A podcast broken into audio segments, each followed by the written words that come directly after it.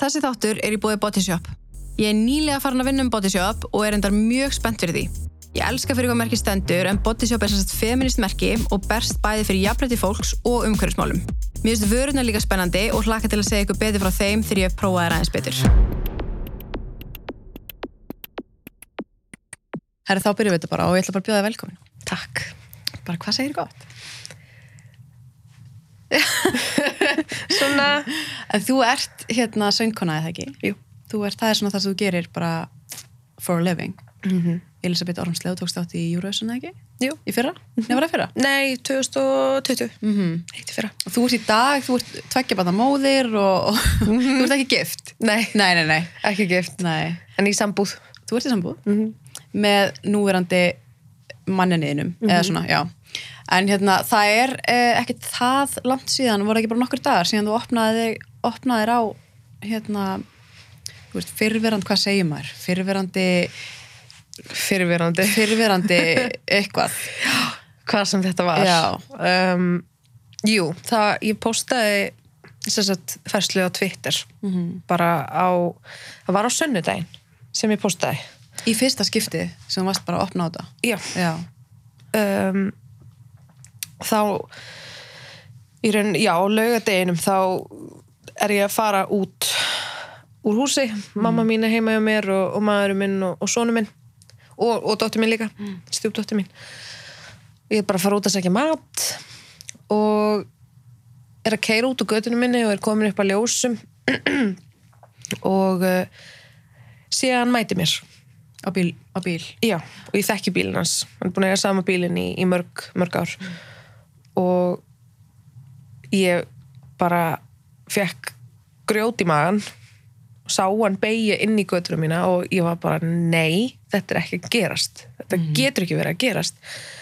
Og ég var mjög heppin að það var enginn fyrir aftan mig þannig að ég gæti bara bakkað og gönnað á eftir. Heimtíðin bara, bara beint á eftir honum. Hann var komin enda svolítið lengra mm, blessunulega og ég bara tek upp síman og byrja að taka upp Já, myndavel, eða þannig. já, bara Já. eh, sagt, ég, hann keirir alveg út í enda þar sem ég bý staldrar þar aðeins við ég fer inn á bílastöður og eitthvað að fela mig, þetta er svo, þetta er svo klikka og, og bara býð eftir að hann keirir tilbaka sem hann náttúrulega gerir á endanum og þá fer ég á eftir honum og næ, þú veist, bílnúmerinu og öllu, því þetta er það sem að löggan sagði mér að gera þegar að ég ringdi hérna fyrir tveimur árum. Já, því hann var búin að vera að gera þetta áður. Já, hann hefur verið að keira í kringum heimilum mín í, í cirka tíu ár. Og hvað er hann að gera? Bara sitja hann fyrir utan? Sko fyrst byrjaði þetta bara að því að þetta var svo ótrúlega eitrað samband og þetta var, var alltaf hún var alltaf að rífast Mm. bara um allt og ekkert aðalega um það ef að ég komst að því að hann væri að sofa í okkur með um stelpum á baku mig Já. um, sem að honum fannst samt alveg eðlilegt sko. honum fannst það, hann mætti það alveg en samt Já.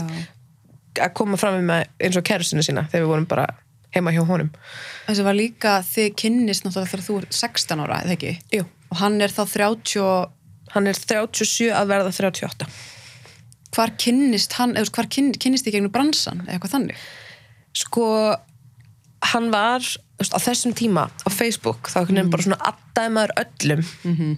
og ég var alveg búin að adda fullt af tónlistafólki þó svo ég þekkti það ekki og hann var einn af þeim. Og ég, var, ég hafði í rauninni aldrei eitthvað sérstaklega pælt í honum. Silent. Pælt í honum eitthvað þannig.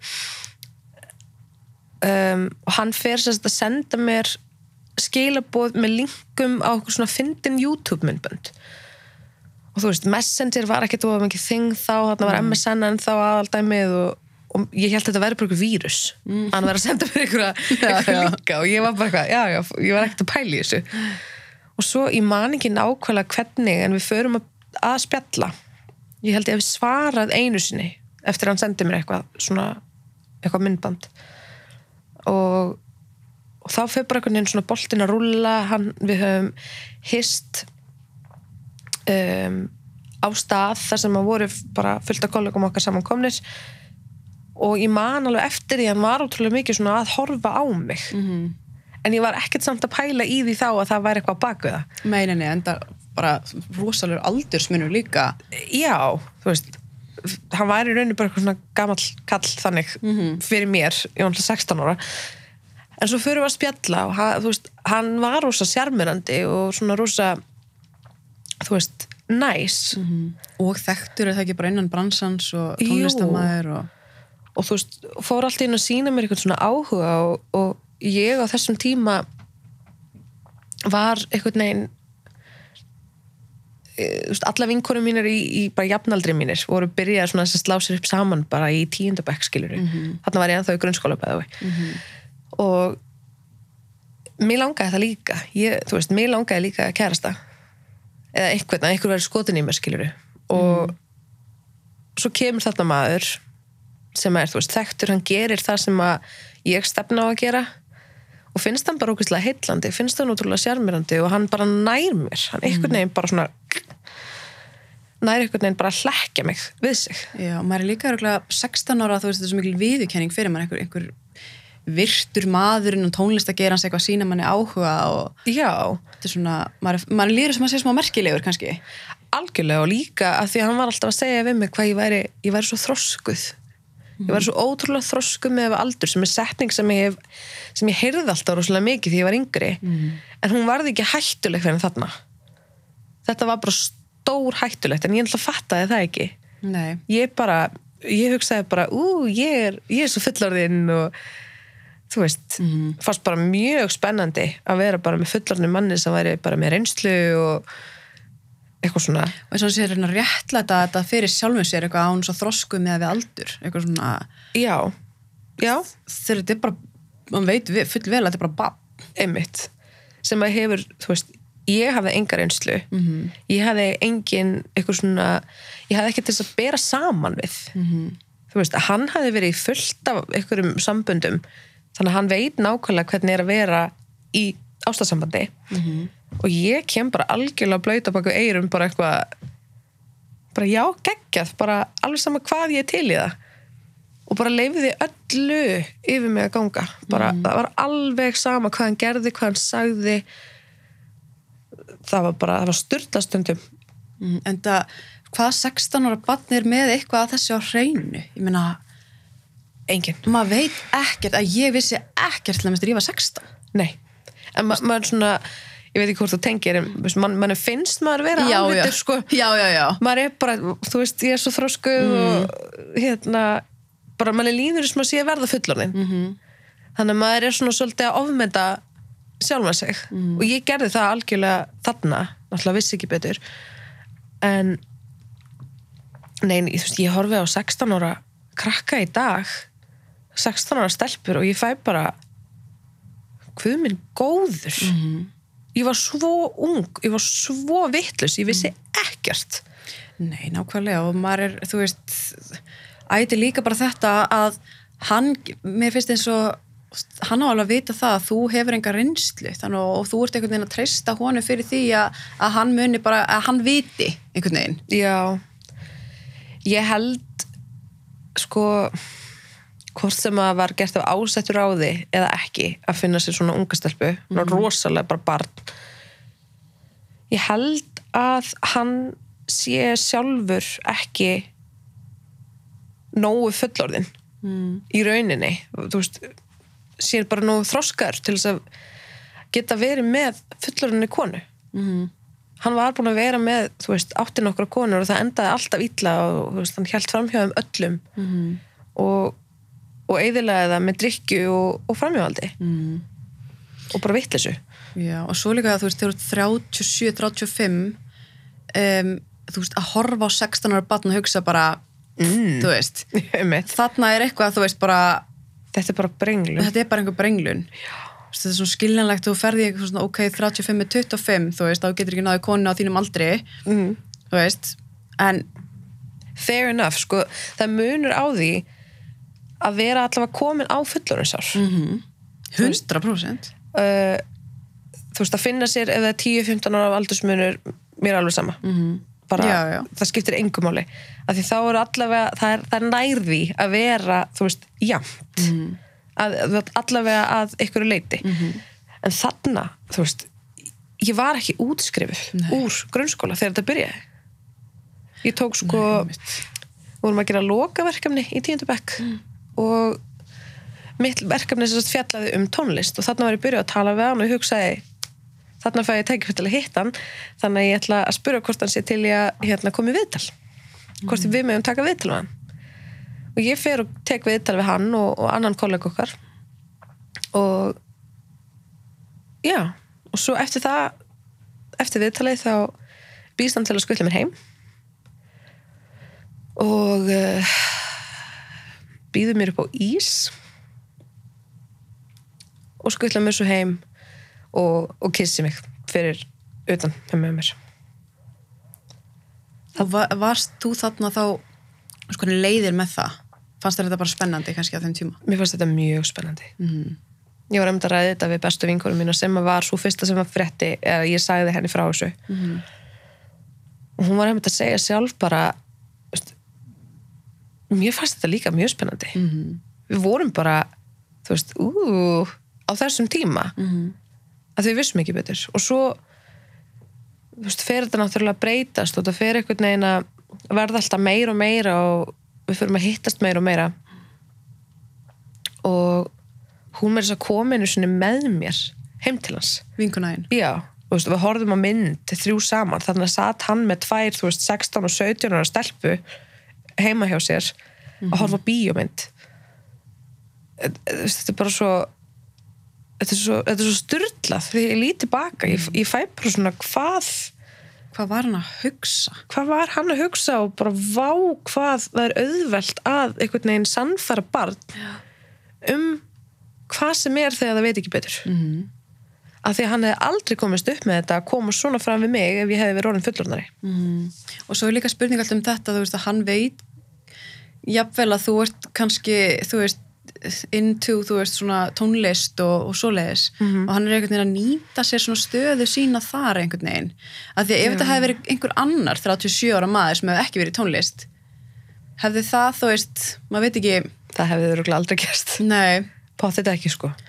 Þetta var einmitt svo spennandi út af því. Og hann, hann notaði alltaf rosa mikið sko um, hann notaði það að hann væri þekktur og hann væri að spila alltaf, að bjóða mér á tónleikana sína setja mig á gestalista. Þú veist, sem ég veit hann hefur samt gert við miljónar af stelpur, alltaf að bjóða um viltu vera á gestalista, viltu vera á gestalista? Til þess að mögulega hugsanlega ná, ná þeim einhvern veginn. Þetta er bara þekkt, þetta er bara, þetta er ekki einstæmi Nei. með þessa tónlistamenn. Nei. En, en þarna átt hann, hann ekki konu eða neitt svoleiðis. Nei, þarna var hann ný hættur með þess að fyrirvændi kærustu. Og þau voru, þau voru hætt saman just, ég held samt ég, veistu, ég, ég meira þess að veita ekki Nei, fyrir nei. víst hvort að þau hafi verið 100% hætt saman. Eða hversu langt það var síðan að það gerðist. Hann talaði alltaf um að það væri þú veist einhverjum mánuði liðnir en, en ég held samt að það hafi ekki verið. Og já og svo bara, þú veist, vorum við að hittast þarna ógeðslega mikið og ég var í vinnu, ég var bara í sumavinnunni í bæ tók alltaf strætó heim til hans, bara eiginlega upp á hvernig einasta dag, Á daginn bara. bara eftir vinnu Mm. og var hjá hann um kvöldið og, og fór síðan heim, hann bara skuttlaði mér heim og þú veist, þarna, þetta var um sumar Mm. þarna er vanalega, eru vanalega 16 ára krakkar að hitta vini sína á sömurinn og allt í einu bara einhvern veginn dett ég út gjörsamlega. Og allir vini mínir eru bara hvar er Elisabeth, akkur er hún aldrei með okkur? Mm. okkur kemur hún aldrei út? Og ég var bara alltaf að ljúga. Ég laug og ég laug og ég laug og ég laug endalust að öllum. Bara stanslust Var það þá bara einhver skömm eða bara eitthvað, bara hann var búinn að segja, það mátti ekki segja, eitthvað þannig? Já, hann, hann var alltaf að tala um þú veist, það mun enginn skilja þetta og veist, þetta er svo þetta er svo forbúðin ást svona, þegar fólk er það er svona mikill aldursmjörur þannig að bara við verðum að, verðum að passa upp á það. Mm. á meðan þú ert svona ung. Og ég náttúrulega heyri þetta líka á meðan þú ert svona ung bara ok, hann sést að við kannski getum verið par setna, við þurfum bara að halda þessu leyndu í smástund og kannski bara því ég var orðin 18 ára. Það verður alltaf læg þannig að var það ekki þannig. Nei. En er hann þarna, þú veist, eins og fóreldrænir, eru þau eitthvað að spurja þau út í þetta? já, mamma sko kom stað þessu bara um sumarið. Mm, þá fer ég þess að út í sjoppu og ákveð í mann svo eftir þessu, þetta var svo styrla, ég held að Universe hafi verið algjörlega að stjórna þarna. Að því ég hugsaði með mér ætti ég að taka með mér síman nei. Ég hérna þú veist það er enginn að fara að skoða síma minn eða neitt svo leis, ég ætla bara að skila hann eftir og stekka út, svo kemur tilbaka og þá fór mamma að því að hún var búin að taka eftir því að ég var bara að haga mér skringilega -hmm. og var aldrei heima og, og var alltaf rosalega grunnsamleg þegar ég fór út og, og laug hvert ég var að fara. Og mamma sko, hún spottar ef ég lík bara svona. Og já þannig að hún sá þetta og, og fann númerið og gæti tjekkað hver ætti það númer og gjörsamlega urlaðist. Mm. aumingja konan. Hún var bara hún skalf af reyði Út í hann, já og bara þú veist yfir þessu öllu eitthvað neginn. já, bara að þetta væri hún bara trúði sig ekki, bara er þetta í alveg að gerast? Var hann þá að sjá bara eitthvað skilabóð sem hann er að senda á þú og svona eitthvað? já, bara eitthvað sms og já, og bara hún einhvern veginn, svo fer hún að reyna að hún sendur hún Facebook skilabóð og reynir að tala fyrir honum. Þú veist, bara ekki gera þetta bara ertu til í að hætta, hætta hitt hana og hann lofar öllu föru Við hana? þau er náttúrulega kollega líka. Og hefðu þekst í ykkur ár bara svona kollega kollega samband og já, já, hann, hann segist alveg alltaf að hætta. En svo gerist hann alltaf ekkert Já, hún er, þá er hún bara að segja, þú veist, hún er 16 og hún er dótti mín, bara viltu hætta þessu. já, þú veist, hún er bara barn Já. og svo man ég eftir þegar, að, þegar það hætti ekki og hún komst að því þá sendur hún um önnur skilabóð og sagði bara, heyrðu, viltu ekki bara að hún flytji til þín og þú fer bara að borga meðlag Já, hvað lega? ég var undir átjóra Já. þú veist og hann, hann alveg bara fraus í mann þegar ég talaði við hann eftir það hann alveg bara, hann fannst þetta fannst þetta mjög þægilegt og bara ég er ekkert að fara að borga meðlag. Bara æ, ég veit það ekki, þetta er En- bara svo klikkað. Já, en var hann þá einhvern tímann að ræða þetta við þig, þú veist, bara hvað mamma hennar að hafa samband við mig og... já, já, hann gerði það alveg. Og svo sko þegar pappi komst að þessu, hann líka algjörlega misti það. Og hann reyndi sko að hafa samband við mömmu hans. Mm. það var nú ekki góð viðbröð sem hann fekk þar Bara einhver meðvirkni og... já. Basically bara ég held hún að við sagt orður rétt að hann væri bara fullunum maður og mætti gera það sem hann vildi og að ég væri nú orðin 16 ára og ætti nú bara að geta geta að díla við þetta. Mm það eina sem að pappi ætlaði að byggja hana um var bara getur þú tala við sonin -hmm. reynda, þú veist sannfæran um bara, þú veist, þetta er rámt þetta, er, þetta er bara, þetta er ógeðslega slæmt fyrir hana. Mhm. að því að fyrir mér, sko fyrir mig verandi þarna 16 ára og verandi fyrir hann að ljúa svona ógeðslega mikið ég þurfti alltaf að ljúa ykkur til þess að geta fara til hans. Hann var bara in the comfort of his own home og þurfti ekki að segja einum neina neitt. Mm að hann þurfti aldrei að díla við þetta. Ég þurfti alltaf að passa þú veist, passa að ég væri bara með fjárvistasönnun og að, að þú veist, ég væri nú öruglega búin að double checka þú veist, mamma myndi ekki komast einhvern veginn að þessu eða eitthvað. Og svo einhvern veginn verður þetta að ég bara er að ljúga að einhverjum einhverjum einasta degi. Og það er tætandi. Það er ótrúlega, það er bara sálartætandi að einhvern veginn get ekki lifað í sannleika. -hmm. Það er alltaf eitthvað lindamál það er alltaf eitthvað sem þú þarfst að hilma yfir og þetta var alveg stórt. Og þetta tók einhvern veginn allan fókus í haustum á mér bara heilin á mér bara brenglaðist við þetta. Og ég var alltaf bara farin að ljúga að bara, bara fyrir eitthvað fáranlega legar um eitthvað sem skipti engu máli. Mm að því ég var bara en vöni bara heilin á mig var bara en vanur bara ljúa Ég var spennið einhverju svona móti, bara vernda hann, vernda lindamálið og... mm. En var þetta, þetta var alveg langan tíma sem þetta var svona, er það ekki? Jú, sko svo, svo byrjar hann, það var tímabila sem hann byrjar aftur með sinni fyrirvinnandi og hérna er eitthvað með henni en er samt alltaf í samskiptum við mig og endar síðan á að fara að hitta mig aftur á bak við hana mm. og einhvern veginn á að sannfæra mig um að það væri bara A-OK af því að hann væri rauninni bara að gera þetta eitthvað skildurækni og þyrfti einhvern veginn fannst, fannst hann skulda henni það. Að byrja eftir saman. Já, út af ykkur, ég man ekki bla. og, og þá hugsa ég með mig bara ok, þannig ég þarf bara að wait it out. Mm -hmm. býða þá til að þau hætti saman og þá, þú veist, kemur hann eftir til mín. Mm -hmm. og en var samt alveg að hitta mig sofa hjá mér. Mm -hmm. alltaf, bara á meðan hún var í vinnunni.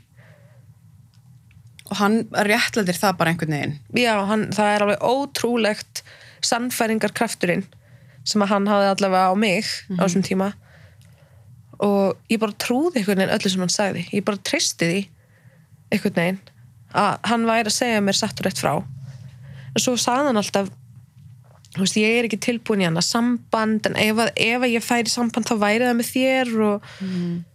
en þú veist ég er samt ekki tilbúin í það en ég er samt ekki tilbúin í að sleppa þér þú veist ég vil samt ekki hægt að hitta þig mm. og þá fæ ég bara svona ok þannig að ég þarf bara að býða mm. þá getur hann verið tilbúin En það er líka bara, þú veist, þitt fyrsta einhvern veginn samband eða kynni við, þú veist, eitthvað eitthvað, eitthvað ástarsamband. Mm -hmm það maður hefur ekki til að miða við, það er alltaf verið sko að ég hef séð þetta áður á kommentarkerfum og svona þess að fólk er bara svona já en akkur, þú veist, akkur hætti hún ekki bara? Þú veist, akkur sá hún, eða þú veist alltaf þetta einhvern veginn. Já, þetta er bara, þetta er og með öll þessi mál nýlega, bara akkur kerði hún ekki strax? Já, bara akkur fór hún ekki, þú veist, eitthvað hérna? Bara því að maður er allavega í mínu tilfelli bara hvernig átti ég að vita? Hvernig átti ég 16 ára gömul að hafa einhverja vitsmunni eða þroska mm -hmm. til að geta díla við þetta? Nei, nákvæmlega. Það var bara ekki séns. Og, og svo náttúrulega bara þegar tími leið þá einhvern veginn lærði ég líka bara að ég var bara en vöni að vera lindamál já, já, já. þannig að sjálfsverði mitt bara einhvern veginn tók bara meir og meiri dífu bara með einhverju árinu sem að leið mm og var alltaf bara var bara orðin einhver skela mannesku á tímapunkti og mm.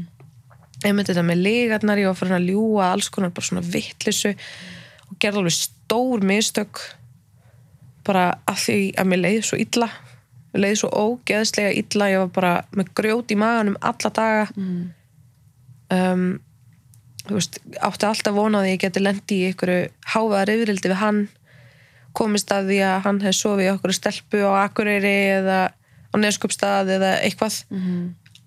og hann var alltaf svo brjálaður ef ég kom stað ykkur svona þá bara baunaði hann yfir mig og bara kaffaði mér og ef ég fór að gráta þá bara öskra hann herra mm -hmm.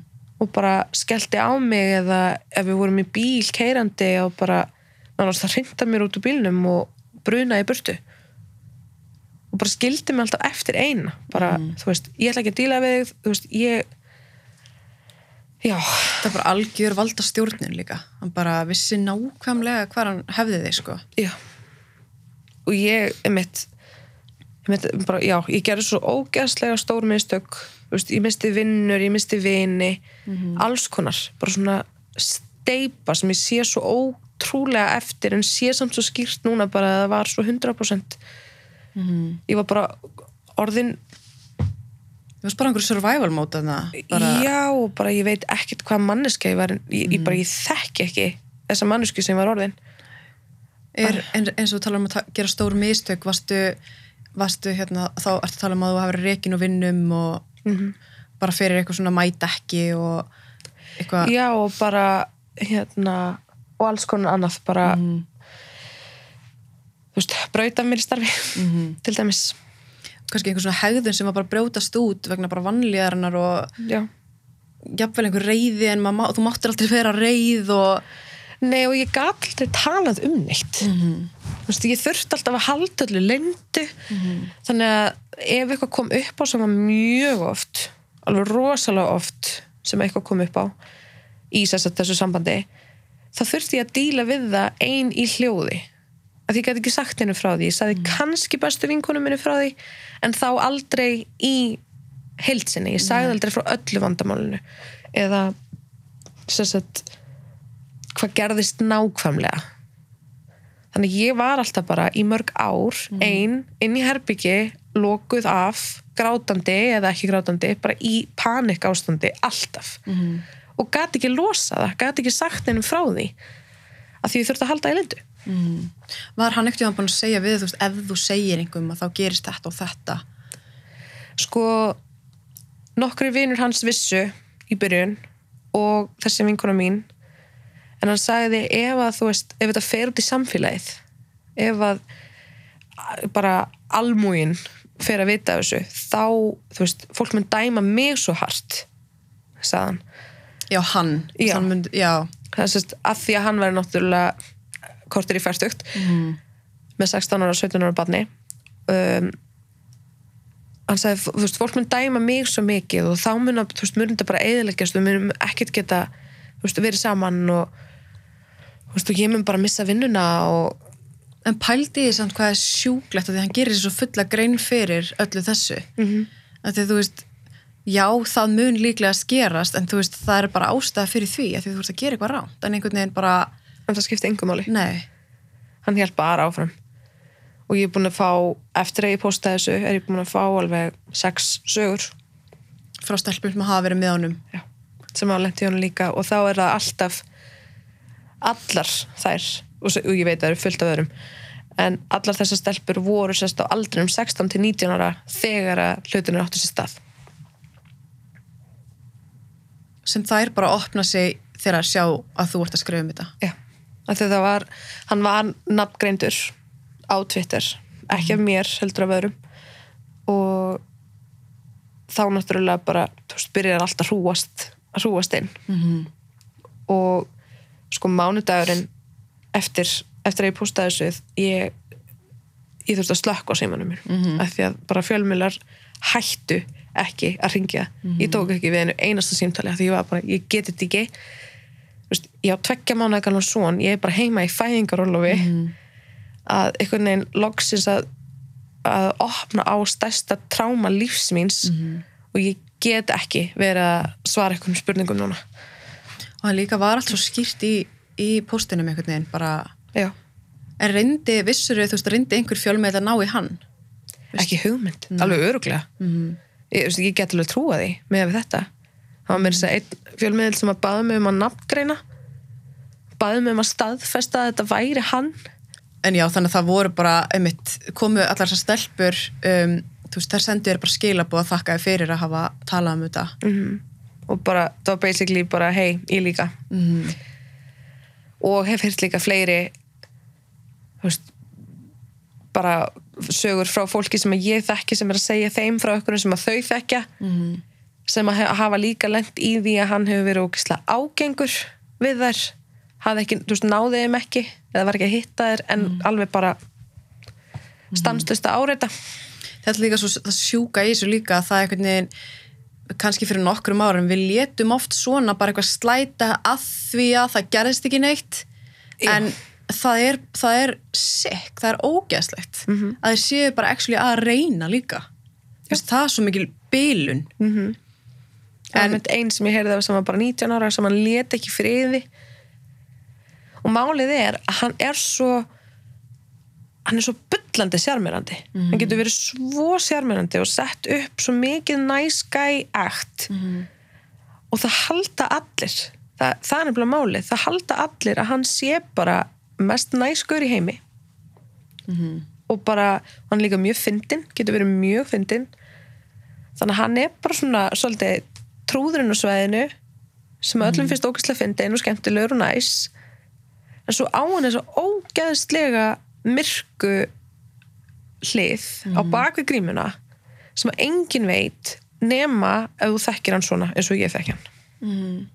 Og jafnvel á tíma, þú veist, á þessum tíma, maður veit ekki sko, ef þú hefði sagt frá hvort að endilega hann hefði verið bleimaður fyrir þetta sko. Nei, ég held ekki Það er svona emmitt, en hann veit að sjálfur, þú veist, að þetta er illa séð Já. á þessum tíma, þú veist, illa séð, mm -hmm. en maður veit ekki hvort að þetta hefði bara verið skellt á á þig sko. Bara hvað varst þú að spá? Ég held það sko og ég held alveg að það mun alveg fólk gera það fólk sem er einhvern veginn hérna, þú veist, tengt honum mm. það mun öruglega hugsa bara helvitis litla skækjan hana eitthvað, ég veit það ekki bara Tælan. að tæla, tæla fullunum mann og eitthvað svona sem var bara alls ekki rétt hann tældi mig Já, og hvaða 16 ára krakki, sko 16, 17, 18, 19, 20 ára krakki getur tælt fullarinn mann. Þú veist, þetta er bara, og hvort sem að þær séu eitthvað að tæla, þá er náttúrulega hann bara eldri í valdastöðu, bara á að hafa meira vit. 100%. hann á að geta greimt á milli hvað er rétt og hvað er átt Mm og þarna bara gerði hann það ekki. Af því ég, þetta er nefnilega hérna, úps, þetta er mjög góði punktur. Af því ég kendi sjálfur mér um svo ótrúlega margt. Mm. af því ég veit alveg að ég gerði fullt af mistökum. Ég gerði fullt, hagaði mér svo hálfviti og, og þú veist, Eins og 16 ára bara gerir. já líka setna sko, þú veist, þegar að, að, að það, það er líka mjög skemmandi að komast að nýjum og nýjum og nýjum konum og stelpum sem hann er að sofa hjá bak við mig. Mm og einhvern veginn bara brotna, það brotnar eitthvað í mér í hvert skipti. Mm. og sjálfsverði mitt lækkar og lækkar og lækkar. Og svo bara er ég allt í einu bara orðin svona pínu samdöna þessu Einmitt. bara ég heyri eitthvað og þá er ég bara svona já, ok, Og hægt að bregðast við í reyði eða særindum heldur meira bara svona ok, En líka því að þegar þú gerðir það, þú veist, þína tilfinningar greinlega skiptu ekkert máli í þessu. nei, nei, nei, nei, nei, ég það- mátti ekki hafa neina tilfinningar. Nei, þá var bara, verra. það var það bara að vera Já. já, já, já, ég mátti ekkert segja, aldrei. Það skipti engu máli, ég reyndi stundum svo mikið að reytskoða mig og fara varlega og reyna að vera svo kærleiksrík og bara, þú veist fara gegn öllu sem að líka með minn og hausin á mig sagði mér að gera bara til þess að hann myndi ekki missa stjórnarskapið sinu Mm skipti engum máli. Það er ekkert að segja. Hvað geðveiki er þetta? Þú veist, og þið voruð í svona sambandi, eða má kalla það, þú veist, í hvað langan tíma? þetta var sko frá 2009 og þetta endist alveg til sko í rauninni 2019-20 að því við vorum alveg í veist, samskiptum. Mm við vorum löngu ég var löngu búin að slæpa tökum á því að þetta er ekkert um eitthvað samband og við erum eitthvað par. En veist, við töluðum alveg þú saman. Og meira að segja bara stuttu áður en ég kynntist manninu mínum aftur, við höfum átt smá ég, ég hef kynst honum áður Mm. í smá millibils ástandi sérst, með, með hinum. Fór ég á Tinder og kynntist þess að núverandi manninu mínum. -hmm. og hann var alveg ógeðsla skotin í mér en ég hafði ekkert að gefa honum. Mm ég, ég var mjög hrifin á honum en ég gat ekki opna hjarta mitt af því það var bara lokað. Það var bara búið að steipa svo mikið í kringum það, svo mikið ógeð að það var ekki séns að engin, að komst engin að. Það átti engin séns. En hérna já. Og þarna sagt ákveð ég bara nú ætla ég bara að loka hann. Nú bara er þetta búið. Mér langar ekki til að heyri honum. Mér langar ekki til að segja honum hvað segja frétta mér. Um, þannig að ég bara ákveða bara að blokka. Ég bara blokka hann alls þar og hann náttúrulega gert það miljósunum aður en þarna var ég bara þetta er búið. Þetta er algjörlega, þetta er síðasta. Þú varst líka bara alveg búin á því. Já, og þú veist, árið 2020 var fyrsta árið sem ég fann fyrir því að, að hjarta mitt væri að opna staðins að ég gæti hleyft einhvernum að mér og var búin að vera í, í alls konar sjálfsvinnu líka síðastlegin ár. En það var líka svo leiðilegt að í öll þessi þú veist, kannski síðastlegin svona 5-6 ár, það voru alltaf að til að pæla bara, akkur er Elisabeth alltaf á lausu? Mm. þú veist, og líka þar áður þegar ég var í mentaskóla að og alltaf bara, Elisabeth er alltaf single og hún er aldrei að tala við neitt og hún er aldrei, þú veist, að deyta eða neitt, af því að hann var alltaf annarkort lindamálið Mm. sem ég var að hitta, ég var alveg að hitta eitthvað mátti bara ekki já. og, og svo þegar ég hérna svona síðislegin 5-6 ár var alltaf fólk bara, jæja, er ekki að finna mann? Og ég var bara, ég get það ekki ég get það ekki, hjarta mitt leifið mér það ekki. Og það er alveg sama hversu frábær gaurin er það er bara, I cannot. En þetta 2020, þá gerist eitthvað. Þannig þar, þá kynnistu manniðinum já, og blokkar bara hinn alveg. algjörlega. En hvernig tekur hann í það að þú blokkir hann? hann náttúrulega fer að hann fer að nota aðra ang- aðganga til þess að fylgjast með mér Mm fyrir að nota hljómsveitar aðganga og svona og ég bara enda með að þurfa að blokka þá líka. Um, að ég veit að hann stjórna þeim. Hann, hann sér um alla samfélagsmiðla fyrir hérna þessar hljómsveitir sínar. Þannig að það var ekki sens að hinir var eitthvað að skoða mig. Um, og svo allt í hennu fara bara að poppa upp svona alls konar einhverjus ótrúlega skrítir aðgangar sem er allir mjög keimlíkir. Og ég bara er í því að blokka svo er þetta bara að fara einhvern veginn að taka yfir hausina mig líka. Og svo náttúrulega er hann var, hann- kerði hérna þegar ég bjó í Mosó árið 2020 og þar spottaði ég hann þrísvar svo flytti ég í hlýðarnar þar spottaði ég hann. Er hann þá bara að finna heimilsfangið þetta á jápunturis eða eitthvað þannig? já ég held það. Já. eða eitthvað negin og svo núna sem sagt á nýjastanum sem ég flutti fyrir núna þrjumum vikum um, ég komst reyndar að ég, ég sko, ég held fyrst að því við vorum ekki búin að breyta um neitt á já.is þannig að það var ekki skráð neitt svona ofinberlega en það er hægt að finna út úr þessu í gegnum heimabanka. Ef þú ert með kennitölu hjá viðkomandi þá kemur upp heimilisfangið. Já, svona eins og þetta leggja inn á einhvern. já, Já, já, og hann er alveg pottitt með einhverjar upplýsingar frá mér en þá seifa þar þannig að hann hefur getað séð það þar að því að fyrst náttúrulega bara panikaði ég var bara hvernig veit hann hvar ég á heima? Mhm. þú veist, eldan eitthvað, eldan mannin minn eldan mig, heim til mín veist, ég hef ekki hugmynd. Nei, það getur alveg verið. getur alveg verið en þetta er allavega einn skýring sem gæti hafa verið. En samt það skiptir ekki máli því ég Nei. bara, mér, mér fjallust svo hendur að þetta væri staður nummer 5, heimilisfang nummer 5 sem að hann kom á og nú, núna þegar ég er bara á mann, á íbúð á tvö börn hann sé ennþá ekki búin að sleppa með tökunum. Mm og sé ennþá veist, ég veit ekki hvað er, einu svona í gangi upp í hausnum á honum þegar hann gerir þetta, er hann í ykkur í nostalgíu? Er hann finnst hann gott að vita af mér á bakveg steipuna eða þú veist, hvað er málið En yfirleitt hefur hann bara verið að parkera þarna fyrir utan og horfa þig. já, hann hefur sko komið fyrst þegar hann byrjaði á þessu þá var þetta í rauninni bara eftir yfirildi og ef ég lokaði á hann, ef ég var ekki að svara eða eitthvað, þá mætti hann og kerði í kringum húsið á bakveg húsið og stundum bara, þú veist, ítt á bensingjöfuna bara í park Já, til Svona- gera hljóð. já, rum, rum eða þá kerði ógislega hratt í burtu þannig að skransaði smá malbygginu og eh, þú veist, þetta, þetta varð bara að ykkur geðveiki og fyrst þegar hann gerði það fannst mér þetta bara pínu krútlegt sko. Já, ummitt. bara svona til að íta undir hversu sikk þetta var þá var ég bara eitthvað oh, Mm.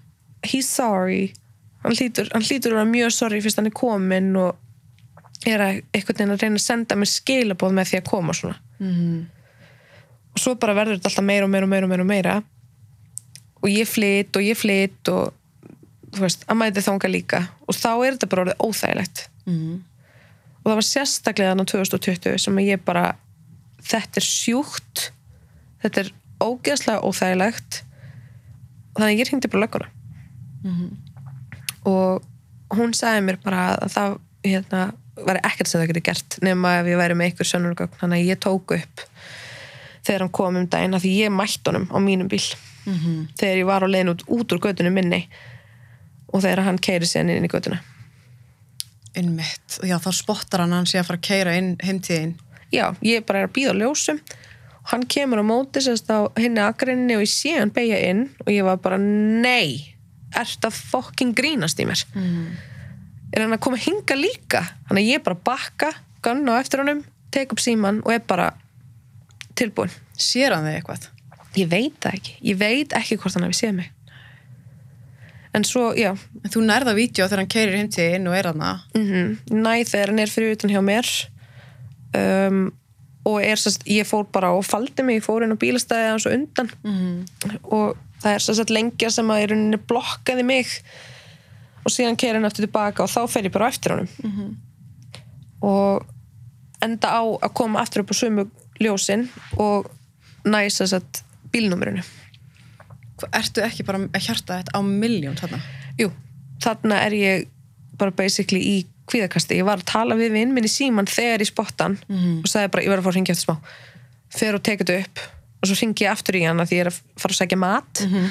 Búin að panta mat og hérna og ringi í hann og er bara ég finn bara, það er, mér er svo þungt einhvern veginn yfir brjósti og andadráttunum mér er svo ógeðslega grunnur og bara fæ grjót í magan og bara, þetta er bara svona trauma respons, döðans og ég ringi aftur í vinn minn og segi, segi hann frá þessu og bara, þú verður að hjálpa mér að róa mig. Ég bara, ég er í umferðinni og ég bara, ég næ ekki að hugsa skýrt. Og hann þurfti bara að segja mér bara, þú veist, þú ert örug það er ekkert slemt að gerast hann er ekki fara að meiða þig. En svo pælum maður líka hvað var pointi með þessu? Því að svo ef hann hefur ekki spottað þig var hann bara hann lagður fyrir utan? Bara kjörstaður bara ég er bara í smá stund. Býða eftir einhverju eða þú veist ég veit það ekki, ég veit það ekki. Nei. ég veit ekki ástæðuna og ég veit ekki hvað er rauninni gangi upp í hausnum á hann og meðan. En ég veit bara að þetta er sjúkt. Kannski eitthvað er innan nátiðin eitthvað svona bara eitthvað að stuða þig eða eitthvað svona að já, bara svona láta vita af sér.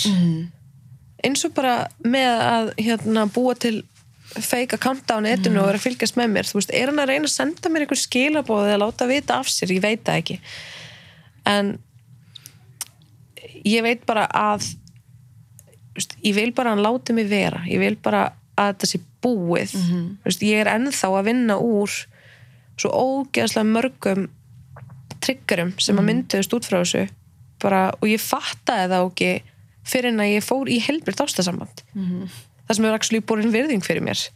Og ég má hafa allar tilfinningar í heiminum. Og, og ég er ekki dæmt fyrir það, það er ekki öskrað á mig fyrir það. Einmitt. Ég man bara þegar ég var, þú veist, fyrsta skipti sem að ég eitthvað svona brást við í einhverju, einhverju triggerdæmi. Og ég bara, það mætti mér 100% skilningur, það var ég bara ok, ég held þú myndir ég held þú verið reyður út í mig. Ég held þú verið pottet reyður út í mig þetta bara, þetta fokkar svo mikið í manni sko, í hausnum á manni. Ekkert smá.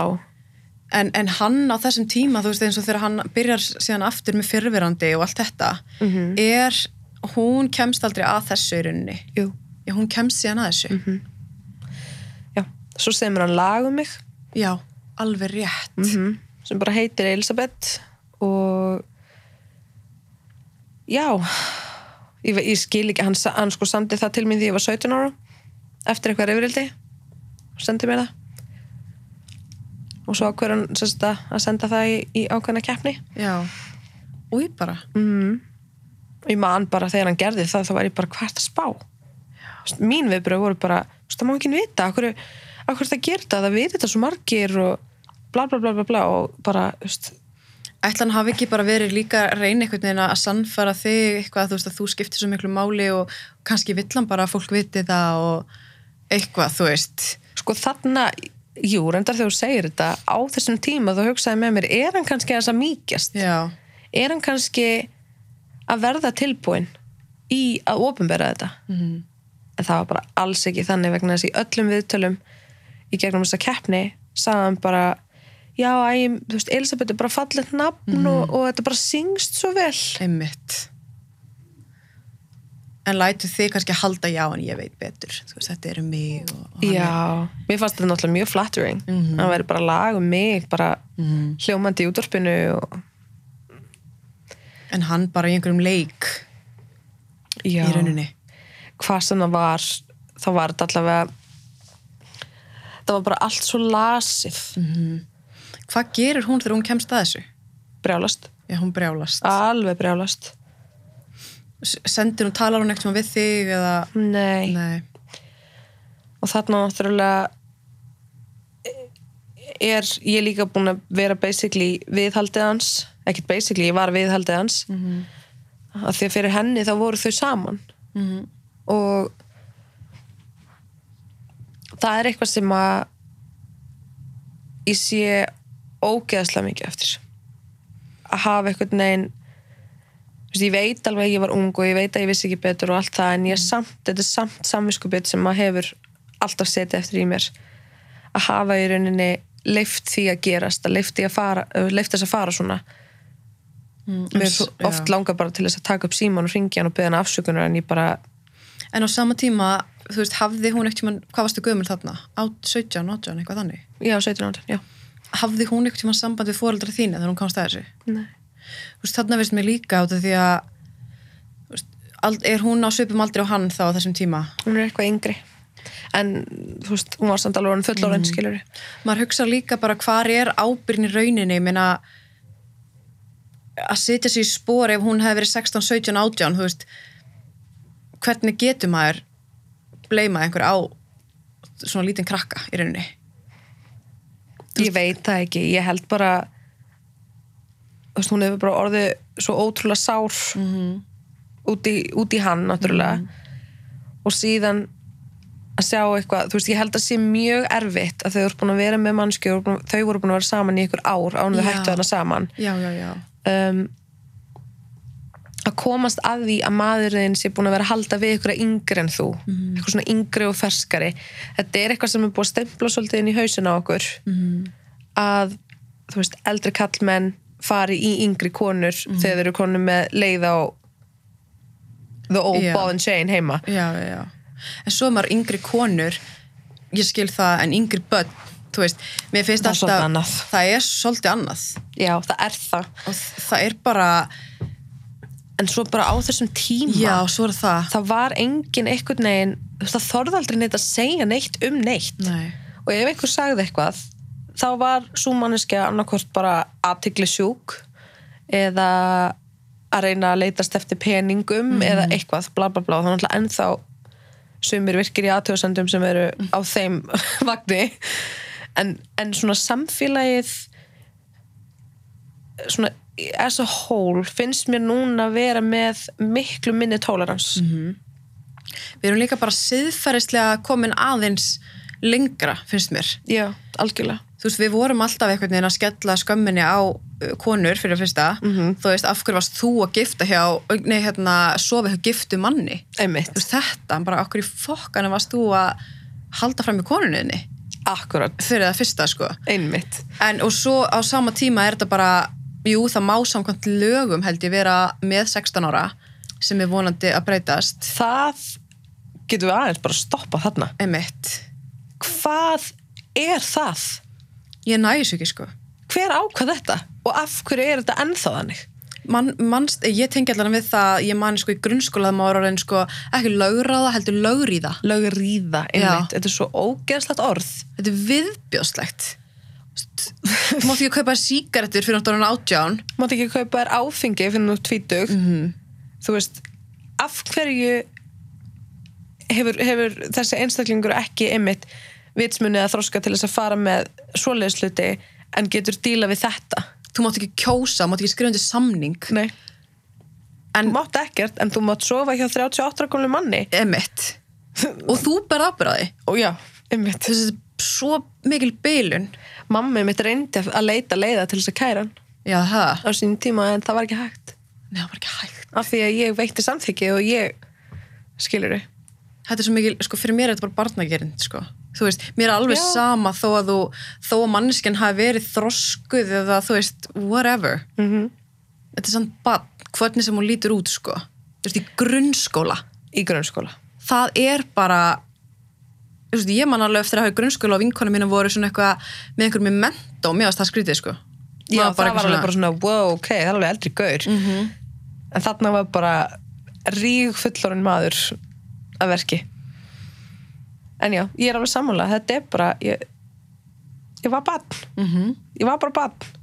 Og ég var alltaf, eins og segir að þú segir saman hvernig þú lítur út að ég hef alltaf verið rosalega þroskuð í útliti. Mm. þú veist, alltaf verið veist, með brjóst og og bara leit út fyrir að vera eldri en ég var, ég veit það alveg en samt sem áður Skiptir það skiptir ekki máli. Það, er, það er það- þetta sem hérna uppi sem skiptir máli.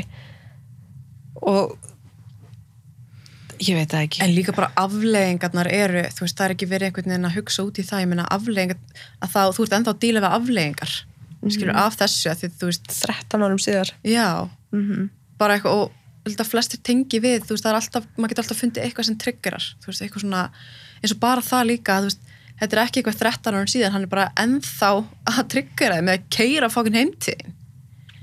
Þú veist, hvernig, en þegar þú, þegar þú ringir í laurugluna, mm. Se- þú segir þeim söguna eða, eða Já, svona, svona í, í grófum dráttum. Og ég, ta ég tala við ykkur konu og þú veist ég held að það hefði svona mér finnst það mjög þægilegt einhvern veginn að tala við konu.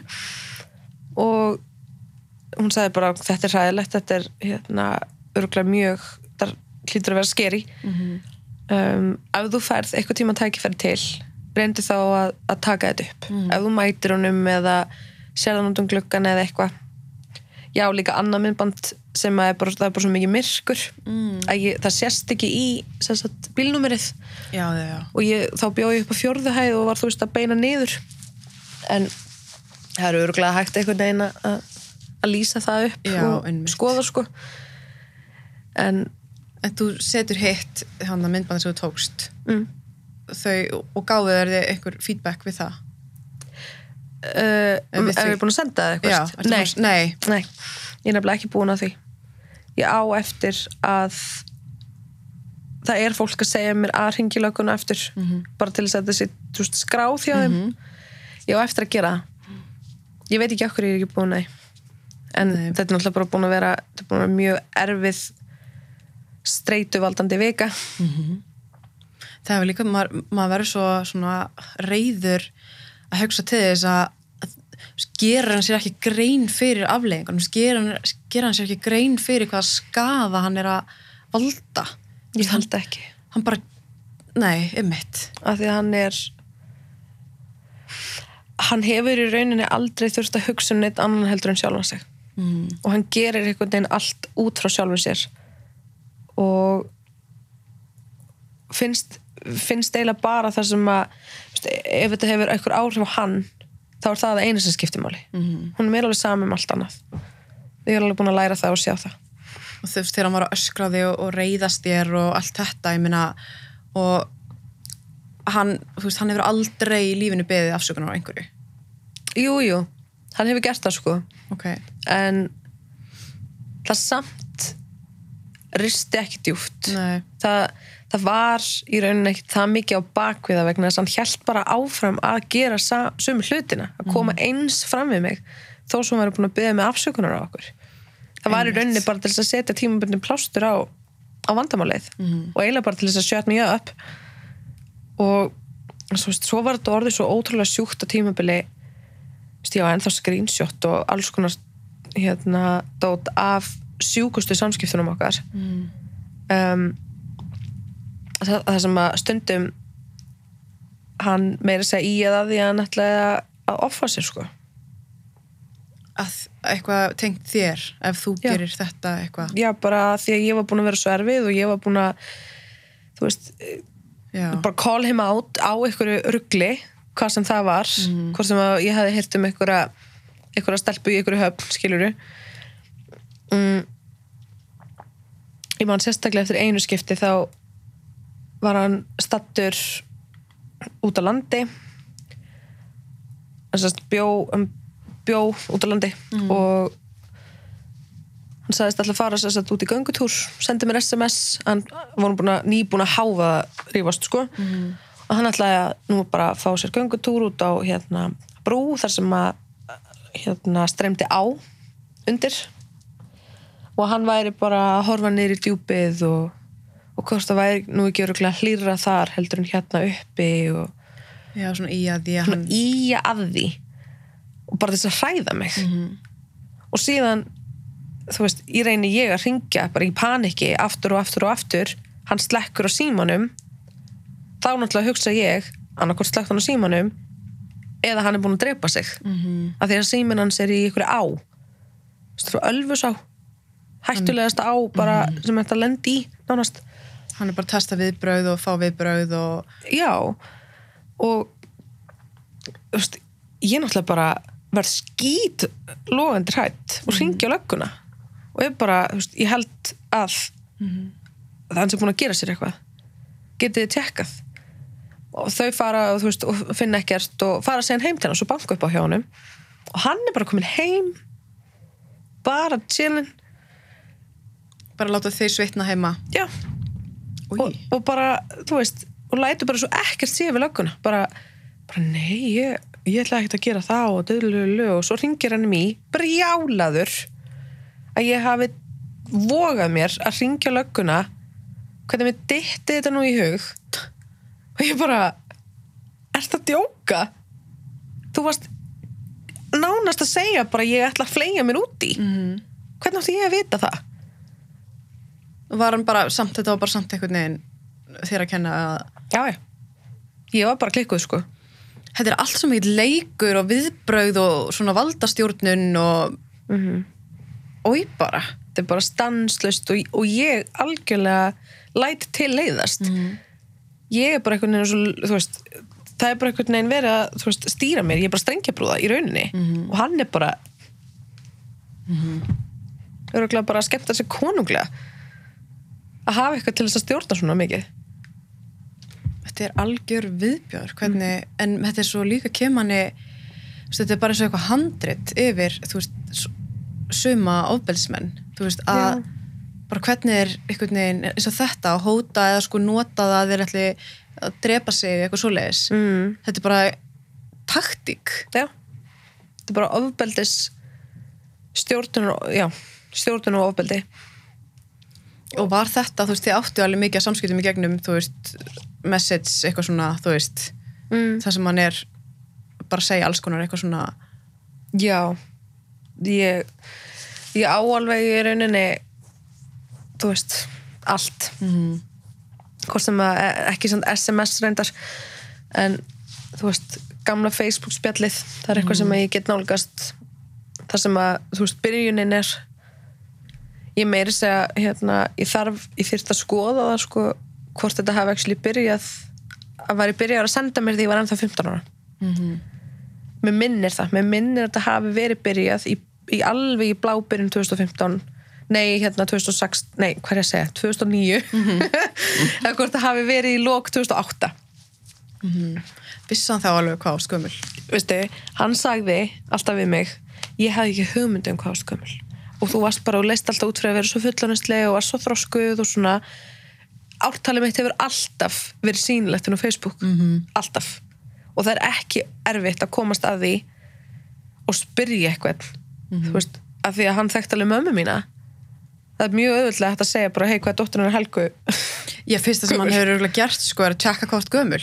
Alveg pottþétt. 100% og hugsa með sér, ok, hún er orðin 16 ára. Ding ding ding. Mhm. I'm in þetta er, veistu, ég bara þetta er svo sjúkt Mhm. á svo margan hátt en þetta er líka búið að vera mjög mjög erfitt Mhm. og mjög mikið tráma og, og hefur haft áhrif á bara veist, samskipti mín við fólk og og alls konar og eins og bara um daginn þegar eftir að þetta gerðist þess að aðfara nótt sunnudags þá skrifa ég þetta niður sem ég síðan enda á að posta daginn eftir. Og er ekkert, er ekkert viss hvað ég ætla að gera með þetta. Þú veist, ætla ég að posta þessu eða ætla ég bara að halda þessu fyrir mig? Fannst bara gott að koma þessu út skrifa þetta niður, hafa fá smá bara svona sögu bara byrjun, miði og endi. Og fer síðan að sofa er andvakalum mjög lengi samt en loksins sopna og þá dreymir mig aftur gamlar martræðir sem við dreymdi alltaf back in the day nei. Jú, og, og nýjar martræðir sem, hafa verið síðustu núna bara síðustu ár. Mhm. þá hefur maður alltaf dreymt að hann sko brjótist inn til mín og annarkort meiði mig eða meiði eitthvað sem ég þykir væntum ég veit alveg að hann mynd, ald, hann mynd aldrei meið hann, hann er ekki hann er alltaf mikið gunga til þess að ráðast á eitthvað líkamlega sko. En mér allavega dreymir þetta þetta er bara hræðsla sem er bara hann föst í líkamannum á mér. Mhm. og já, það hefur alltaf verið að hann meiði mig eða veist, meiði mömmu eða meiði mannin minn eða eitthvað. Mhm. en þessa nótt dreymdi mig að hann hefði meitt barnið mitt. Tveggja mánuðan gamla litla barnið mitt. Og, það, og ég vaknaði í sko svita kófi náði var alltaf andanum og svo daginn eftir þá var ég bara veistu, þetta er búið þetta hingað og ekki lengra. Ég get ekki leift þessum manni lengur að hafa svona mikil tök á haustum á mér. Og þessum viðbröðum hjá mér. Það er eitthvað sem ég þarf alveg 100% að vinna í og alveg mjög mikið í. Og ég ætla ekki að láta börnin mín alast upp við það að mamma er eitthvað gamlan kærasta, hann var aldrei kærasta minn en Nei. þú veist, gamalt love interest sem að getur ekki sleppt tökum, tökunum á henni og er stundum að keira fyrir utan heima. Ekki þau, þau eru ekki, nei, þau eru ekki að fara að upp við það. Einmitt. Og ég er ekki að fara að gera sjálfur mér það. Það er einmitt spurning sko eins og þetta þú veist að þó hann hafi ekki meitti líkamlega að þá var hann að meiða þig skilur og Já. jafnvel meiða þú veist, fólki í kringu þig með því að þú veist bara hafa svona mikil tök á þér einhvern veginn. Mhm. Hann er alltaf svona Svo maður verður, verður svo bylaður sko af reyði Mhm. af eitthvað svona því það er alltaf það er alltaf líka sko það er alltaf einhver svona afsökun hjá svona fólki já þú veist að hann, á áttur nú svo erfitt og hann var að drekka og hann var að dýst í nýslu og hann var alltaf þetta þú veist. Hann er þunglindur og það þunglindur og þú veist. En, en hvað þú veist hvað myndi þig langa að hefur vilja á þessum tíma einhver hefði kannski bara kert þetta? Sko eftir á sínum tíma nei. Nei. vegna þess að mér fannst bara eins og fóldra mínir væri bara eiðilegja fyrir mér. Mm Mhm. þarna var ég loksins búin að finna eitthvað sem var nú skotin í mér og fó- fannst ég sætt og eitthvað. Og þá átti bara eiðilegja fyrir, fyrir mér. Átti bara að taka það frá mér. Mhm. Þú veist, ég var með, all, ég var með rosa mikla þú veist, body komplexa og ég var lögð í einelti sem bann fyrir ímislegt og þarna var eitthvað sem bara embraceaði mig lóksins og það átti að taka það frá mér. Ég bara fór í uppreist ég bara fór bara að ljúga meira og vanda mig betur og þú veist það er alltaf þetta sko að, hérna, að að heyri mjög mikið á samfélagsmynda af hverju, stegi enginn inni eða af hverju hérna, þið vissu af þessu hverju sagði enginn eitt það hefði kannski ekkert skipt máli veist, það hefði ekki haft neinn áhrif. Nei, af því alltaf, sko, ég veit að fóldra mínir fóru hérna í ráðgjöf. Mhm. og þá var þeim sagt að því meira sem þið ítið því meira sem þið hérna gerið í þessu og reynið að komið veg fyrir þetta. Komið veg fyrir þetta því meira fer hún í uppreist gegn ykkur og hún er bara að fara að fela þetta betur. Hún er ekki, þetta, þetta verður bara meira spennandi og hún mun bara hérna, finna einhverjar aðra leiðir. -hmm. sem að gerðist. Ég, þú veist, ég varð bara detektiv -hmm. ég var svo og bara, ég hefði geta fengið einhvers konar bara, ætti að fá okkur velun fyrir hversu góð ég var orðin að ljúga sko, mm. og búa eitthvað til svo verður þetta líka bara orðin einhvern svona bara hvenar var einhvern tímpundi þess að maður hugsa kannski bara svona, ég get ekki einhvern veginn bakka úr þessu núna einhvern veginn, ég get ekki, ég er búin að ljúa svo mikið ég er búin að fela þetta svo lengi að ég get einhvern veginn ekki núna allt í einu Nei, og, og einhvern veginn farið að segja fólki líka frá eitthvað svona það var, það var líka annað. Ég, ég svona, hvernig á ég að útskýra fyrir fólki? Bara, ég er búin að vera hérna kannski, segjum bara í fimm ár með þessum manni í algjöru leini uh, ekki sagt neinum frá því nema bara mínum allra nánustu. Og veist, það er þá engin eftir að fólk eftir að vera bara ha? Mm. hvað meinaru og bara með honum og hann svona gamall og svo fór þetta að breytast í bara svo mikla skömm líka. Ég skammaðist mín fyrir að vera ekki eins og hinir í kringum mig.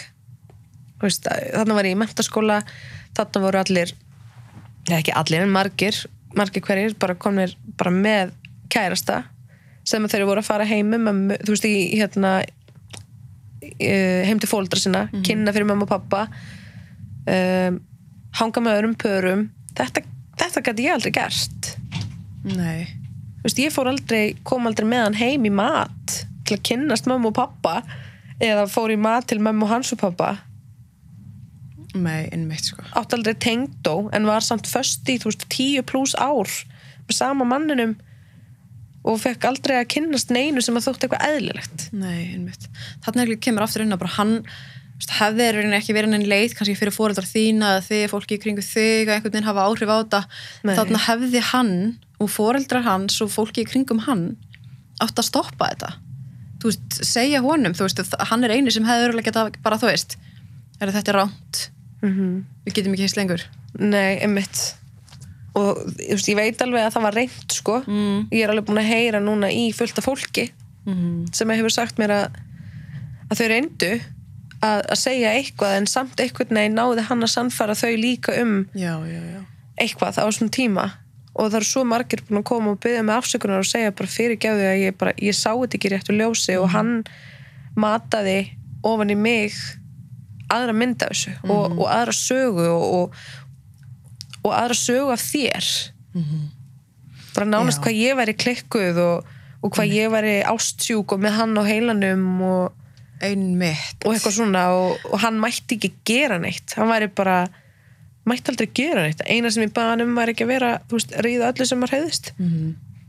þú veist. Vá, einmitt, þetta er svo típist sko einmitt að hérna að því hann er líka svona eins og segir svo sannfærandi og, og annað, hérna þú hefur svo auðvelt fyrir hann að mála upp mynd að þú sért bara lítil klikkuð, bara ástsjúk mm hann sagði það bókstallega við einn vinsinn sem er líka vinnu minn mm. bara að ég hefði verið ástsjúk og veistu honestly þá kannski var ég það Já, líka þessum tíma. Já, en meina, en svo er líka eins og segir, þú veist þetta þegar maður er 16 og sjálfsvirðingin og, og sjálfsálitið og þú veist, einhver svona vöndun virðing og allt og maður er einhvern veginn að finna sig Mhm. fær aðtigli svo viðkvæmt já, þetta er svo viðkvæmt já veist, og, þess vegna get ég alveg sagt ég var kannski eitthvað tíman bara mjög ástsjúk af því að það eina sem ég þráði var viðurkenning frá honum. Mm -hmm. að því ég var bara orðin háðunum og hann gerði mig líka háða sér. Mm. ég fekk ekki bílpróf fyrir en ég var bara orðin vel fullorðin vegna þess að hann skuttlaði mér allt. Já, Þú veist, ég var háðunum, veist, og bara og líka orðin háð því að veist, ég var orðin háð þessu leini, makki. Það var orðið bara svona adrenalínið sem ég þurfti. Og við vorum bara farin að þú veist, rífast um eitthvað sem skipti engu máli bara með reglulegu millibali reg, hérna, reglulegu millibili. Að því ég held að það hefði bara orðin vani. Það var bara Svona þráður þess að þetta hot and cold eitthvað að rífast og já, mm. því það var bara orðið já. Er bara eins og, eins og ég sagði á Twitter þetta var bara svo heroin og við þurftum bara að fá skamtun okkar. Og það var bara harkalegt reyfrildi, allt í fokki í marga daga sættast allt í blóma í smá. Og bara endurtekning á þessu vorum bara spólandi í sömur hjólförunum endalust Einmitt. Þetta, ég held að má svo kannski telum að sér trúum það allan ég tengi við að maður telur sér trúum að maður sér bara svona, maður fíli þetta og svona típa, þú veist að, að hérna, og við erum bara svona, við erum bara svona par skilur og hérna Já Svona bara, þetta er bara okkar dans sem við dansum mm. og einmitt líka ég var búin að samfæra um það að ég myndi alltaf bara vera með eitthvað svona sem væri miklu eldri en ég Mm. ég fíla bara eldri karlmenn Mm. þú er bara svona típa og, bara mun alltaf eiga eitthvað svona Silver Fox mm. Kærasta eða eitthvað og þú veist, mér þess að vini mínir voru farnir að gera grína þessu Mhm. skilur þannig að það, þú veist, synkaði inn ennþá meira. Bara já, þú ert alltaf fyrir þú veist, 20, ár, 20 árum pluss eldri eða eitthvað og ég var alltaf bara svona já, svo er það bara ekki rétt. Þá bara því það var búið að kondisjona heilan í- mér til þess að vera þar. Mm. Hann var búin að mynda öll þín hann var búin að, þú veist, mynda þín mörk og segja þér í rauninni hvar þín mörk voru og hann í rauninni tók mig bara ég var bara svo leir og hann bara mótaði mig. Eins og hún síndist hvað var til þess að þú, þú veist af hverju núna? Var það bara, var það bara sko bæði ég er náttúrulega, er náttúrulega nýbúin að eignast barn og, og meðgangan hún var alveg hræðilega erfið á, á mörgum ástöðum en það var eitthvað sem að gerðist, maður er svo ótrúlega hrár þegar að maður er ólítur eða ég var það allavega. Og náttúrulega bara hormónar og bara allt á fullu. Og það einhvern veginn það opnaðist fyrir svo mörg sár. Mhm. af því ég bara var að tala um það við mannin minn og, og svona ymslegt og ég var, ég hef bara einhvern veginn verið svona hálfpartin í andlegu detoxi frá því ég kynntist manninu mínum af því að hann loksins síndi mér hvernig þetta á að vera. Og ég ger alltaf ný og nýja uppkvötun bara alltaf við eitthvað kemur upp á bara, ó, ok, það er hægt að ræða hlutina. Já. þú veist og við erum ótrúlega góð í því. Við bara getum sagt hvað sem er bara hvað við erum að upplifa og það er alltaf tekið á móti því bara með virðingu og skilning aldrei reyfist um manni minn Mhm. af því við getum bara að tala saman oft alveg að koma upp á þess að við þurfum að ræða Mhm. en það eru bara alls konar triggerar sem að ég uppgötaði og, og fattaði í gegnum meðgönguna mína og er bara búin að vera sagt, í svolítið sjálfsvinnu með það núna undarfarið Mhm. og svo kemur hann heim svo keirir hann framhjá Mhm. og ég bara það, það var bara eitthvað sem að bara brast inn í mér við það. Og ég hugsaði bara það er ekkert að fara að segja það er ekkert að fara að virka nema ég geri þetta. Ég verð bara núna að sleppa þessu út í og bara opinbara hérna universið Mhm. af því það er ekkert annað að fara að segja hann um að hætta. Ég held að myndi aldrei þóra núna að koma aftur heim til mín Nei, ég var í alvörun að hugsa um að setja myndavilir út í gluggana mína til þess að fylgjast með Mhm. að myndi ekki dyrfast að koma aftur tilbaka núna eða reyna eitthvað Mhm. vegna þess að núna er líka bara, þú veist, það er allt komið upp á yfirborðið Nákvæmlega. Skömmin er bara hans núna, sko. algjörlega og eins og maðurinn minn sagði bara núna um daginn eftir, eftir þetta allt saman hann sagði bara núna skil ég þessa setningu að skila skömminni Mhm. þú ert búin að bera hana með þér svo ógeðslega lengi og nú er, í nú er boltinn í honum núna skil ég þessa setningu svo miklu betur Mhm. og hann er bara veist, hann er svo mikil stöðningur að hafa af því hann náttúrulega, hún er fyrst þetta allt saman alveg jafnsjúkt og ógislegt og sér hvaða áhrif þetta búið að hafa á mig Mhm. Akkurat. þannig að En það er líka, einmitt eins og þú segir, þú veist, núna skilur hann svona hvað þetta þýðir að skila skömminni. Já, Og var þetta ekki líka svona fyrir þig, fannst þér leiðir eins og það færi bara svona 20 kíló og bara, já, já, já. Við erum góður af því að ég, ég var búin að skrifa þetta ég var búin að taka screenshot af þessu. Var ekkert búin að ákveða samt einmitt hvort ég ætlaði að tvíta þessu eða posta þessu eitthvað staðar. Svo bara gerðist þetta og daginn eftir en eins og ég var að segja þann þegar maður dreymdi þetta og allt svona. Tilfinningin að fara inn á Twitter setja myndirnar í réttaröð skrifa það sem ég skrifaði við og bara ít á post ég bara, ég, ég hendi frá mér Já. símanum í sófan og ég var bara holy shit ég, ég bara gerði þetta. Ég, ég actually gerði þetta. Og ég fann fyrir bæði ég, sko, ég var bæði spá kvíðin hvernig í óskopunum viðbröðin er þau hvernig, þú veist, vinir og kollegar okkar beggja myndu bregðast við. Um, en svo ákvað ég bara ég ætla bara ekki að kíkja á síma minn ég ætla bara að leifa þessu ég er bara búin að sleppa þessu út í kosmosu og það gerist en gerist. En þetta var aðalega fyrir mig. Það var til þess að ég geti tekið þetta bara af mínu hjarta og minni geðhelsu og allavega reynt að létta þú veist, ég, það er ímislega sem ég þarf að vinna í. Já. En ég meina þetta er líka rúglega, þú veist, hversu margir eru að tengja, veist, hversu margir hafa söm, svipað sög að segja, veist, hversu, hversu mörgum ertu búin að veita bara svona smá, bara svona ég er ekki ein, einhvern veginn. Mm. Það er það líka sem er svo, þú veist, það er rosalega bónus sko, að geta actually einmitt það, það, það er bara svo ótrúlega gott að vita ykkur tengi mm. og, og þegar maður les sjálfur á sögur um eitthvað sem maður tengi við. Það er, bara, það er geggja, það er það sem ég elska við samfélagsmiðla er að það er svo auðvelt að fara og finna eitthvað sem hefur gengið í gegnum það sama og þú. Og jafnvel bara geta að tala við mannskuna þetta var bara ekkert hægt í gamla þetta þá bara byr, byrjuðu allir þetta bara inn í sér. Af því það var ekkert hægt að fara og lesa á reynslusögun eða Mm akkurat sko. En nú er það miljón og það er líka þetta sko að því að ég hef allan að heyrt marga segja sko að því að margir sem hafa orðið fyrir ofbeldi og upplýja ofbeldina að því að hann að því þegar það var ekkit líkamlegt Mhm. að þá einhvern veginn finnst fólki það ekki eiga, síns að ekki erindi einhvern veginn Mhm. og það sé kannski gera svona úlvalda úr mýflögu, þú veist, af hverju er mitt mál eitthvað, þú veist, ég tók nú þátt í þessu sjálf, ég leitur nú alveg, þú veist, allt þetta allar þessar efasemdir Já. Guð minn almáttur hvað ég var með margar efasemdir bara síðustu daga mm.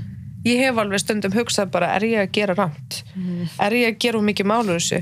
Er ég, er ég kannski er með að misminna mm ég er bara fann að gaslýsa sjálfan mig. Mitt en svo bara, maðurinn minn er alltaf bara ready til að tekka mig. Bara, ertu að djóka Elisabeth allar sögurnar sem þú hefur sagt mér allt sem hann hefur gert bara, og þú ert eitthvað að efast um þetta. Bara þetta er ein, ein sjúkasta saga sem ég heyrt á ævi minni. Og þú ert innan bara eitthvað eh, er ég, er ég að gera mistök? Nei, ég er ekki að gera neina áskotasmistök Nei, þetta er bara, þótt fyrr hefði verið einmitt. bara aðalega fyrir sjálfa mig að geta bara loksins bara svona andað aðeins dýbra þurfi ekki að hafa þetta alltaf hangandi yfir mér. Og Já, þú veist akkurat. eins og maðurinn minn sagði bara nú er ég búin að upplifa í nokkra daga alltaf því ég fyrir inn í eldhús þá kík ég út um gluggan og er að tekka hvort ég sjáu bílnars ég er nájaður og þú ert búin að vera það í tíu pluss ár. Það er ótrúlegt sko af því að taugakerfið þetta hefur svo fáránlega áhrif á taugakerfið. Já. Að lifa í þessum ótta og þessari skömm og þessari þú veist þetta er bara ekki hægt til lengdar sko. Nei. En- ég honestly bara veit maður mér sa, sagði einu sinni við mig bara það er eiginlega bara magnað að þú sérst ekki bara brotnari mm -hmm. en þú ert. Að þú sérst bara ekki á verri stað.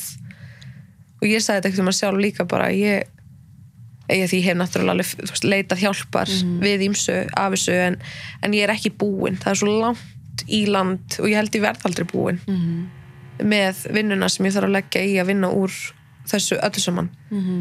Að því þetta er svo það er, meiri, það er ennþá minningar að koma til mín sem eru bara unlockast í haustum á mér sem ég er bara búin að grafa einhvert djúft neyri maður er einmitt sko, maður er einmitt svo þú veist, þetta er svo maður er svo brenglaður sjálfur að þegar maður hefur ekkert heyrt neitt um þetta, þú veist, fyrsta sem maður hugsa bara, what, bara þú veist hún, en hún er svo flott og hún er svo talented og hún er svo sæt og hvernig gat þetta gerst fyrir hann eða skilur Já.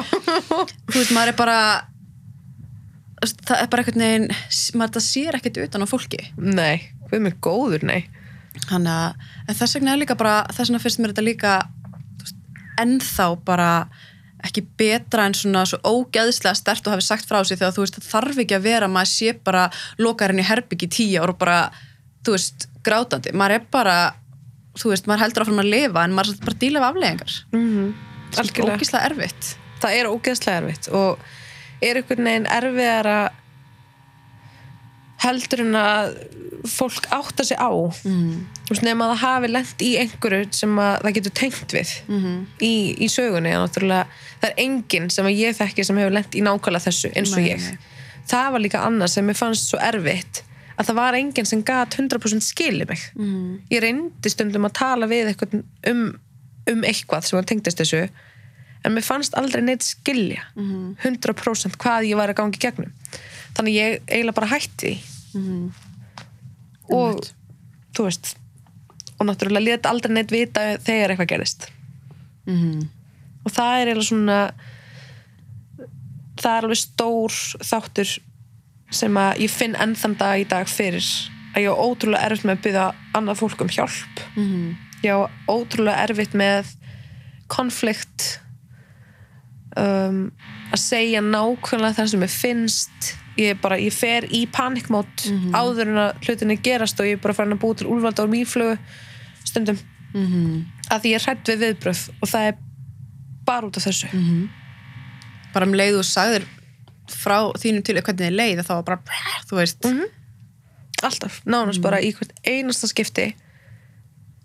Þú veist, og sérstaklega ef, ef að ég síndi sko ef að ég síndi að ég væri sár eða ég væri reið eða fyrir vonbröðum eða eitthvað þá var bara instant veggur, skotárás Bara- fínustjórnun, Já. silent treatment, allt þetta. Allt þetta. Bara viðbjóður. Þannig að og með þess að stundum enn þetta í dag fer ég fyrst í bara, er hann að fara að vera reyður út um mig? Ef ég segi eitthvað við manni minn. Og það gerist aldrei. Það gerist aldrei. Þannig að það að vera. Þannig á það að vera. Að því ég, það, ég get líka að því ég veit líka hvaðan traumaresponsi kemur. Ég er farin að þekki það. Bara þessi viðbröð eru út af þessu eins og um daginn, ég er með geggja dæmi. Ég átti ammali um daginn. Og maður minn var búin að vera geðveitt laumilegu með síman sinn. Og sem að sem sagt, hinn var alltaf. Hann setti bara alltaf að dúna til störp ef við Já. vorum saman svo kem ekki notifications. Um, já, hann var búin að vera ótrúlega laumilegur og svona stýr alltaf símanum frá og, og svona mikið að spjalla og ég spurði hann eitthvað sem svona viknum að tala bara, "Æ, ég, ég, ég, svona geðveitt loði svar. Og ég var bara triggered. Og ég sagði við hann bara hérna þú er búin að vera svolítið laumilega með símaðin og hann bara, já, æ, nei, kom með eitthvað geðveikt skrýtna lígi en ég, þú veist, ég trúði hennu samt alveg. Og hann var bara, þú máttu skoða síma minn ef þú vilt, bara, ég er ekki að tala við ykkur á konur, það er ekkert að gerast og bara, gjör svo vel ástu mín. Og ég eitthvað, nei, það er ekki að skoða hann. Ég, ég trúi þér alveg. Svo kom ég ljósa að hann var að senda á alla vinið mína og alla fjölskyldunum mína að sapna saman þess að gefa mér stóra ammælskjöf og ég var bara að panika. Já, bara því, þetta er bara það sem þú þekktir kannski líka. Já, já, alltaf. Öll sár hann var aldrei með símansöðun uppi við hann aldrei bara með hann bara hérna þú veist að skoða eitthvað. Nei, nei, nei, nei. Hann var alltaf bara í hlæðslökstar annars þar á dúnistörp Úff, sko. Mhm. En það er samt, þú veist, þetta er líka bara, það er svo gott að geta mætt einhverju sem bara skilur þetta, þú veist, að það er kannski ástæða fyrir þessu og Já. að útskýra bara, þú veist. já, þú veist, hann hefur sjálfur þú veist, upplifa hluti sem að hjálpar honum að, að skilja Mhm. og það er bara, það er ekkert dýrmætara ég, ég, ég skildi það ekki fyrir en ég upplifði það en að finna eitthvað sem er hægt bara einmitt, sem er ástfangin af sem er hægt að eiga bara heilbrigð falleg samskipti við. Að þurfa ekki að reyðskoða sig eða setja sig í einhverja stellingar geta bara verið algjörlega þú, algjörlega hrár og segja bara hvað þú ert að upplifa og fá bara, ég skil bara allt í góðu bara ræðum þetta Einmitt. ég held sko að það var eitthvað að þessum manni fyrst. Ég var bara að það hlýtur að vera eitthvað að þér. Það er eitthvað, þú ert með eitthvað skítut í bókaðinu þetta er bara, Þetta er red flag. já, þetta er red flag þú ert ofullkomin nei, nei, nei, nei, nei. En það er líka því maður er, þegar maður er yngri einhvern veginn, þá er maður, uh, ég allan að upplega að, að það var svona, já, samböndur í vinna og það er eðlilegt að rífast og þetta er bara stormasamt samband og allt þetta. Já, sem, sem ég lærði síðan bara setna, þetta er bara bull. þetta er bull Það er ekkert sem heitir stormasamt samband, Nei. þú veist. nei, Þetta er bara andlegt ofbeldi, margt af þessu. Mhm. Þú veist, er bara, það er ekki eðlilegt að rífast annað hver dag, það er ekki eðlilegt að félustjórna, það er ekki eðlilegt að taka silent treatment. Þetta er allt red flags, bara run, sko. nákvæmlega vá, hvað er rétt, þetta er, er hár rétt Þetta er bara, að því að, þú veist, auðvitað koma upp kannski miskilningar já, já. og fólk getur verið ósamála -hmm. en að vera að rífast Öskra hvort annað, ég bara, kærtin myndi öskra mér bara ekki lægi heima höra. nákvæmlega bara, ég, ég, ég held ég myndi bara fara að hlæja Já. að manninu mínum í dag, bara ertu að grínast hvað, hvað heldur við fáum út af þessu? Einmitt. Vá, Bara, bara þrítur að vera eitthvað að garga og kærasta sinna, kærastinu sinna, bara ekki lægi, sko. ekki bóði Nei. ég veit, ég veit ekki bara ekki hvað þurft að gerast til þess að ég fara að öskra á mannin minn mm En ég, ég skil alveg að vera sko 16 ára 17 í einhverju þannig og þú bara hefur ekki stjórn á tilfinningunum -hmm. en að vera fullorinn einstaklingur í þessu sko bara alveg algjör bilun sko Mm -hmm. en já það er alltaf, maður er alltaf stundum ég upplega smá að þegar maður er búin að gangi gegnum eitthvað svona bara alveg handónýtt óbeltisambönd og eitthvað hérna ég er svona já ok, það er bara einhver hérna guð eða einhver sem er bara sendt mér þennan bara ég á þennan skilið núna. Bara don't leave me ever sko. Nákvæmlega. Ég sko trúur á manifesta nei, eh, ég veit ekki alveg hvað það þýðir þá basically þetta er svona law of attraction. Þú veist það sem þú gefur út og fara tilbaka. Mhm. og þú veist, að manifesta þú getur skrifa niður það sem þú vilt og uh, til dæmis bara eins og ef, þið langar í maka að skrifa niður hvernig hann er. Mhm. þú veist, hann, hann er fyndin hann, hann, þú veist sýnir tilfinningunum mínu skilning. Hann er svona bla bla bla bla bla. Og ég skrifaði einu svona niður, bara langan lista. Bara hver, hvernig er drauma maður minn. Ég fekk hann. Mhm. hann kom og ég, ég var með hann lista bara svona límdan og postir með það upp á mér. Mhm. þannig að ég las alltaf á hverju minnsta degi. Þannig að þetta var alltaf einhvern veginn ég var að segja þetta aftur, aftur, aftur og endurtaka og endurtaka og bjóð til þann veruleika að hann kom. Bara þetta eru standardinir sem ég set fyrir sjálfa mig. Já, mm það var einmitt annað sem að vinkonum mínar og vinir voru oft bara þú mest að háa standarda. Og ég var bara nei. -hmm. Eða þá, jú, ég reynda fór að trúa því smá, ég var bara svona, oh, er ég kannski með allt og háa standarda, en svo komst ég að ég bara nei, nei, ég bara ég, ég tek ekki, tek ekki neinum skýtlingur nei, innmitt ég nenni því ekki og ef ég finn ekki 100% bara já mm. þá er það bara nei. Vinkonum mínu minn senda mér TikTok um daginn sem var bara, if it's not a fuck yeah it's a fuck no.